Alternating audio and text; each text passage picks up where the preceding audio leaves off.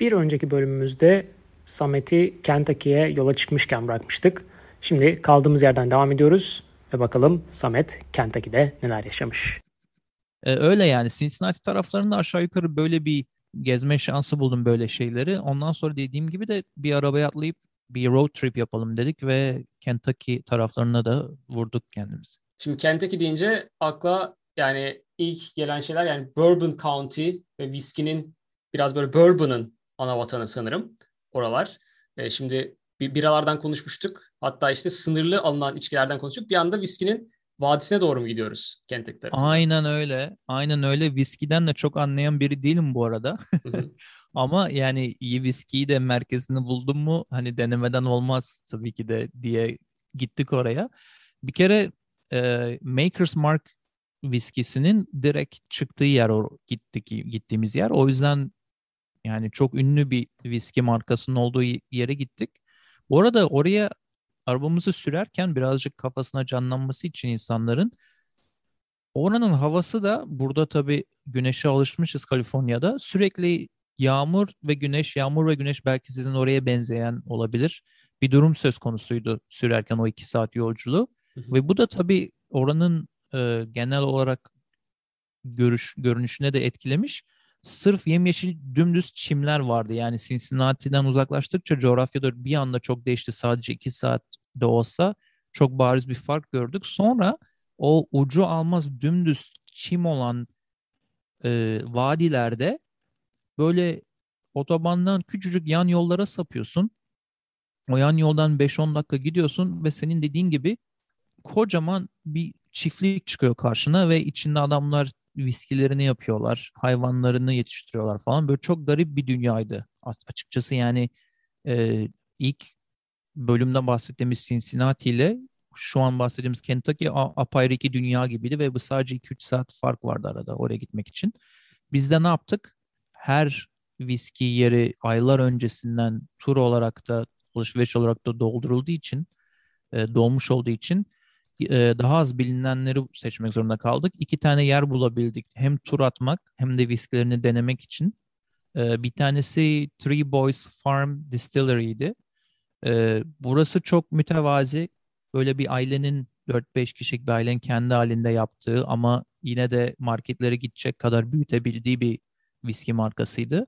Oradan hatta ben e, bir iki şişe de aldım getirdim yanımda Kaliforniya'ya sevdiğim için denediklerimi. Ondan sonra da daha ünlü olan e, hatta kökü de bayağı eskilere dayanan büyük bir şirket olan şu anda Four Roses Distillery'e gittik. E, orada ufak bir tur e, edin, yani bir tura katılma şansı da bulduk zor da olsa. Bizi işte birazcık anlayış gösterip aldılar. Gösterdiler nerede ne yapılıyor, nasıl yapılıyor.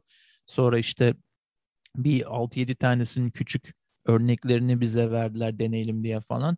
Tabii anında ben hemen şey olmaya başladım tipsi dedikleri çakır keyif almaya başladım onları dinleyin. Ya böyle güzel güzel bir e, şeydi.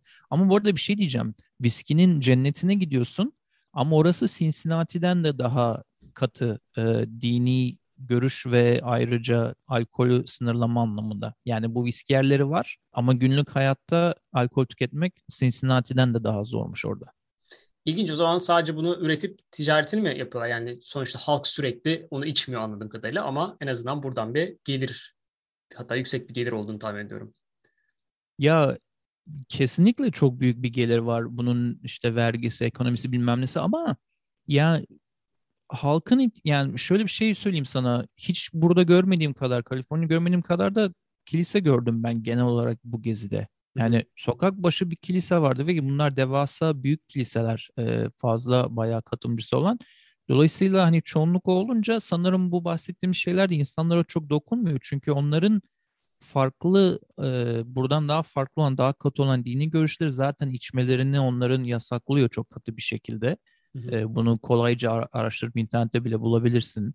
E, ayrıca sanırım pazar günleri de tamamen kapatılıyor içki satışları. Zorla bile alamıyorsun. Hani zorlayarak bile alamıyorsun. Gidiyorsun işte bu viski yerlerine istediğini yapıyorsun. Sonra çıkıyorsun o oradan bir şişe bile alabiliyorsun. Ama ondan sonra onu bitirdiğin zaman bir daha alamıyorsun. Oraya gitmen gerekiyor. Gittiğimiz yerler de dediğim gibi remote yani uzak yerler. Her gün geçtiğin yerler değil. Uz upuzun hiçbir şeyin ortasında bir otobanda sağa sola küçük yollar var. Oralardan girip çiftliklere gidiyorsun bu yerlere varmak için. Belki de o yüzden çok umursamıyorlar. Hani her gün herkes gidip de alamaz diye. Bu arada her gün içki içecek olan adam da hani normal orta sınıf bir adam diyelim. Zaten oraya gidip de bunları alacak bir ekonomik güce de sahip olacağını zannetmiyorum Amerikalı olsa bile burada yaşayan. Çünkü bunlar isim yapmış viski markaları ve tur işte rezerv etmek olsun, bir şişe viski almak olsun aşırı pahalı orada orta sınıf birisi için. O zaman onlar bulursa bira içmeye devam edecek. Viski, viski birazcık bütçeyi zorlayabilir. Peki oralarda başka var mı? Ee, yani hedef olarak sadece bu viski yerlerine mi gitmekte hedef yoksa başka gördüğünüz yerler oldu mu? Hedef bu viski yerlerine gidip bunları yerinde denemek ve olabilirse birkaç tane hatıralık işte birkaç şişe viski ve ayrıca e, bardak almaktı. Onun dışında da gerçekten hiçbir yerin ortasında olduğu için kendimiz e, bazı evimizden Airbnb'den aldığımız işte sandviçte şuydu buydu hazırlayıp yanımıza aldığımız şeyleri çok güzel bir park bulduk. Çok geliş güzel bir şekilde büyük bir park bulduk. E, o parka çektik arabayı. Tam böyle Türk tarzı bir tek şeyimiz mangalımız eksikti yani. o yüzden çok fazla başka bir şey görmedim orada ama genel olarak hani bunun için bile gitmeye değerdi. Çünkü e, baya baya güzeldi yani tadı falan. Ya, o yüzden tavsiye edilir. Şimdi Kentucky deyince tabii sormadan olmaz. Kentucky Fried Chicken'la alakalı herhangi bir şey var mıydı? Birazcık burası kuzeyi ama Kentucky'nin. Ya onu biliyor musun? Ben de çok sordum. Hatta giderken muhabbetini yaptım. Dedim hayatımızdaki en iyi tavuğu mu yiyeceğiz acaba? Yerine gidiyoruz falan. hiç kimse heyecanlı görünmüyordu. Hiç hiçbir şekilde de hiçbir izine rastlamadım Kentucky'de geçirdiğim o bir gün boyunca. Hani dediğin gibi belki de başka bir tarafında ünlendiyse ama hani bütün dünyaya fast food'unun yayıldığı Kentucky Fried Chicken deyince Kentucky'ye de gidince hani dedim ben çok heyecanlıyım deneyelim bunu yerini yiyelim falan. Bizimkiler şey dedi öyle bir şey yok ya rahat ol. Onların hepsi şiş bilme hani aynı şey. Hayal kırıklığına uğrayacaksın falan dediler. Ben de iyi peki dedim o zaman. O yüzden o konuda çok zorlamadım E, şansımı. Şimdi bakıyorum Kentucky merkezi Louisville'deymiş Kentucky Fried Chicken. Belki o yüzden oralara uzanmamıştır. Yani bu şeye Aynen. benziyor herhalde işte e, ne bileyim Erzurum çağ kebabı duyup ama hiç köyüne gidip orada onu görememek gibi bir şey herhalde. Öyle düşünüyorum ben. Bence güzel bir benzetme oldu. Çünkü e, kesinlikle onu yerinde büyük ihtimalle tadımlamak gerekiyor. Veya artık şey de olmuş olabilir yani o ilk çıkış noktasının amacını da kaybediyor ya özelliğini kaybetmiş olabilir. Çünkü McDonald's'ın bütün dünyada her sokakta bulunan McDonald's'ın ilk restoranın resmini görmüştüm ben. İlk defa bir burgerci açtığı küçük böyle hatta restoran bile değildi. Kulübe gibi bir şeydi yani ufacık dörtgen bir şeydi. Hı hı. Ee, baktığım zaman hani onu şu anda tadımlayabilir misin? Tadımlayamazsın. O gitti. Anlatabildim Yani o günkü o özverili sadece o günkü gelen 50 kişiye yaptığı onu meşhur eden onun o ismini ilk önce o bölgede yayan o yemek gitti artık. O bir şeye oturdu, bir standarda oturdu. Toplu üretim için tabii ki de. Ve dolayısıyla Kentucky'de öyle bir kadere mahkum olmuş olabilir. E, bununla ilgili ben bir tane BBC'de bir yazı okumuştum. Kentucky değil ama şimdi tekrar baktım. Kansas'taymış. İki tane aile hala fried chicken böyle bir büyük rekabetleri var. Ve hı hı. bunlar da Alman göçmeni aileler. Böyle iki tane karşılıklı restoran hala böyle e, ilk tarifleriyle yaptıkları kızarmış tavuk varmış. Eğer yolun Pittsburgh, Kansas'a düşerse bu sefer gerçekten güzel yerinde o fried chicken'ı yeme ihtimalin var sanırım. Onu da ben not olarak ileteyim. Aa, güzel bir not. Ee, oralara gidersek mutlaka onları da denemeye çalışırız. Bu arada Cincinnati'ye geri dönecek olursam bunu söylemeden bitirmeyeyim. Ee, ayrıca Cincinnati de Queen City olarak geçer. Onu da notlarımı eklemiştim. Onu da bir söyleyeyim. Ee, hoşuma gitti lakabı City'nin. Queen City diye geçiyormuş Amerika'da. Peki var mı bir hikayesi? Neden o ünvana sahip olmuş?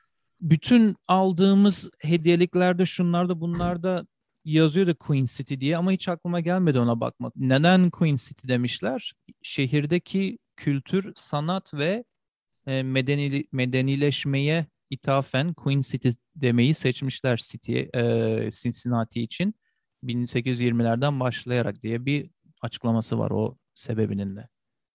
Güzelmiş böyle bir ünvanı hak etmişler o zaman. Peki e, Cincinnati'nin içinde şimdi tamam Kentucky'de tavuğu bulamadık ama Cincinnati'nin içinde var mı böyle güzel aklında kalan yemekler? Bir hot dog'dan bahsettin onun haricinde. Ya orada genel olarak garip olan şuydu. Şimdi biz bilmeden gittiğimiz için e, oturduğumuz zaman birayla işte en çok ne söylüyorsun? Kızarmış patates söylüyorsun. Biz tabii Amerika'da yani Kaliforniya alıştığımız için normal patates gerçek zannediyoruz. Sürekli de üzerinde kahverengi bayağı böyle bolca koyulmuş sos ve fasulyeyle geldi. Orada zaten bir şok olduk. Hani sen söylemezsen normal olarak kabul ettikleri standart onların patates kızartması, fasulyeli patates kızartması. Ee, ama iyiydi yani güzel zaten oranın imzası olan bir yemek. O, on, onlar onunla ünlenmişler yani chili stationlar var, chili hot dogçılar var, chili fries'lar var, chili şu var, chili bu var. Her şeye bir chili koymuşlar. Onun dışında da klasik Amerikan yemeklerini denedik gittiğimiz publarda, restoranlarda. Genel olarak iyiydi yemek.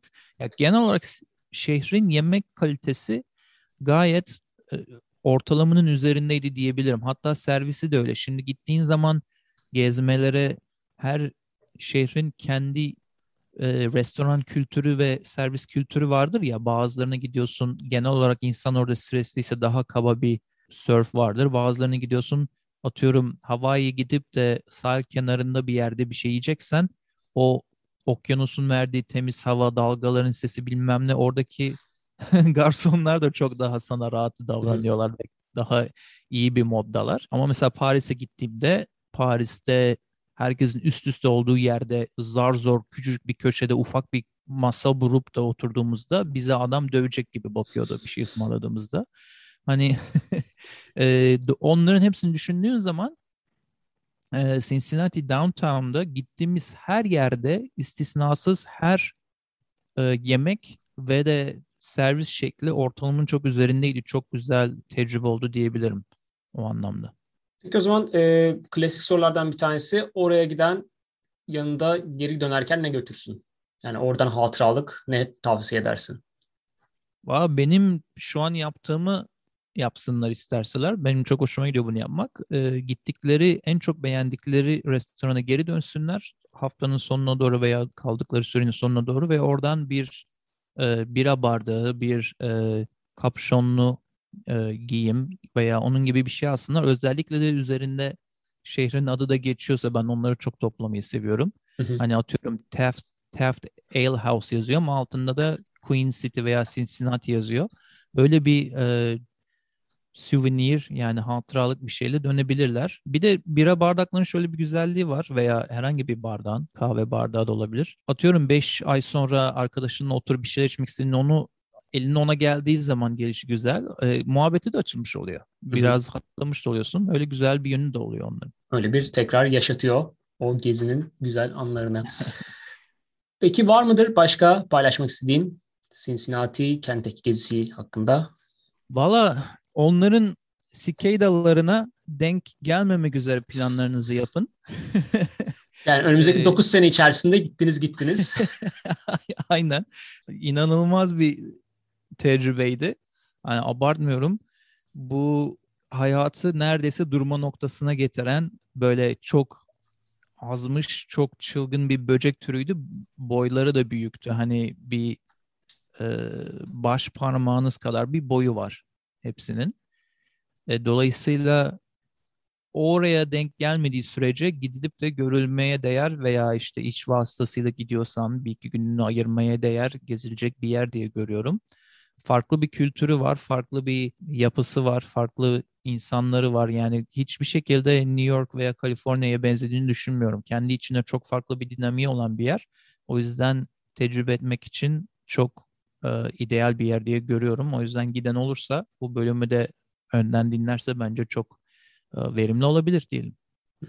E, biraz bana böyle e, uçların yeri gibi geldi. Bir yandan işte e, craft biralar yani biraz Kentucky uzanınca o viskiler vesaire ama bir yandan da kısıtlamalar bol bol kiliselerden bahsettim ve birazcık muhafazakar bir halktan bahsettin. Dolayısıyla böyle ilginç e, bir karmaşanın ya da e, güzel bir karışımın olduğu bir şehir izlenimi verdi bana senin anlattıkların. Ya evet bunu sonlarda söylemen çok iyi oldu çünkü bahsetmek istediğim şeylerden biri de buydu. Şimdi Almanlar gelip bu bira kültürünü getirmişler ve bu orada kalmış ve büyümüş. Ee, bir yandan da kendi kendine orada yaşayan insanlar dini olarak kültürlerini koruyup gayet e, dini olarak işte istedikleri hakları olan şeyleri yaşamaya devam etmişler. Ama hiçbir şekilde bu ikisi birbiriyle çatışmıyor. Hiçbir şekilde orada bir sorun, bir gerginlik, hiçbir şey görmedim. E, bu da aslında hani genel olarak zaten daha gelişmiş diye gördüğümüz ülkelerin güzelliği diye düşünüyorum. Hı hı. Hani ben dışarıdan biri olarak hani Türkiye'de ve İsviçre'de hayatın çoğunu geçmiş biri olarak hala böyle dışarıdan bakabiliyorum. Hani ya ne ilginç ya. Bana içki aldırmıyorsun ama şurada oturup bahçesinde şu bir an içebiliyorum diye farklı bakıyorum. Onlara bu çok normal geliyor. Onlar çözmüşler işi yani birbirine saygı anlamında. E bu da tabii çok büyük bir artı. Herkesin kendi istediğini kendi köşesinde istediği gibi yaşaması ve birbirine bunu empoze etmemesi. E bunu da herhalde bütün ülkeler için dileyebiliriz diye düşünüyorum. Rekabette büyük ihtimalle sporda yaşıyorlar. Beyzboldan bahsettin. Büyük ihtimalle o şehrin iki büyük takımı o tartışma yapacaklarsa birbirlerine bağıracaklarsa stadyumda bağırabilirler. aynen, aynen gayet sivil bir şekilde bir şekilde e, modern bir şekilde stadda bağırıp o enerjiyi atıp gündelik hayatta gayet de çok uzlaşarak hayatlarını devam edebilirler. Bu arada ya bütün iyi şeylerden bahsediyoruz ama şeyi de yani kapatırken şeyi de söyleyeyim. Her ülkenin, her şehrin her bölgenin olduğu gibi Cincinnati'nin de gitmememiz gereken özellikle karanlık olduğunu gitmemiz gereken yerler olduğunu da öğrenmiştik gittiğimizde. Yani gidene de bu konuda hani bilmeden şurada da ne varmış buraya gireyim. Oradan da bir ses geliyor gidip şu sokağa bakayım şeklinde bir e, gezme olmaması hayırlı olabilir diye söylemekte fayda var. Evet o zaman kaçınacağımız bölgeleri de var. Onu da not edelim. Tabii ya. Evet evet. Tabii ki. Ee, şimdi çok güzel bir şekilde bizimle paylaştın bu gezi notlarını ve gezi izlenimlerini. Ee, bir sizin podcast'te de değinmeden bitirmeyelim. Hayat kaçık Hı-hı. bir uykudur. Ee, şu şu zamanlar dinleyenler sizde neleri dinleyebilir? Ya bizim podcast'te konudan konuya atlıyoruz. Zaten o kısmını seviyoruz. Yani Hı-hı. bin bir çeşit şeyler var son zamanlarda, son dönemlerde ne dinleyebilirler? İşte karma felsefesinden bahsetmiştik. Baba Vanga kehanetlerini ele almıştık. Studio 54 diye Amerika ile alakalı yine çok meşhurlaşmış da diyorlar ki dünya tarihinin en e, başarılı kulüplerinden biri olan bir gece kulübünü anlatmıştık. Okyanusta 133 gün boyunca hayatta kalmaya çalışan Poon Lim'i anlatmış. Yani böyle bin bir türlü konu var. Zaten hepsi hkbpodcast.com sitesinde var. Ee, buradan oraya geçip biz o konulara da bir kulak vermek isteyen olursa tabii ki çok seviniriz. Bence bu konuları duyunca ilgilerini çekmiştir. Dolayısıyla Kardeş Podcast Hayat Kaçık Bir Uykudur. Ee, onu da dinlemeye, henüz dinlemediyseniz Eyvallah. kulak kabartmaya başlayabilirsiniz. Eyvallah çok sağ ol. Çok teşekkürler bizimle bu bilgileri paylaştığın için. Evet ben e, buradan dinleyici dinleyicinin önünde de senden belki bir söz alırım diye kendimi de şöyle bir davet etmek istiyorum. İleride Venüs'e yapılan e, uçuşlar başlamış. Oradan e, bir bana da koltuk ayrılırsa seve seve bir Venüs'e gidip oradaki e, ziyaret tecrübelerimi de sizle paylaşmak isterim diye bitirelim. Tamam, e, Venüs'e gittiğini bilmiyordum. O, o zaman Venüs bölümüne seni tabii ki ilk sırada konuk edeceğiz. Eyvallah, çok sağ ol. Çok teşekkürler Samet. Bir sonraki bölümümüzde görüşmek ben üzere.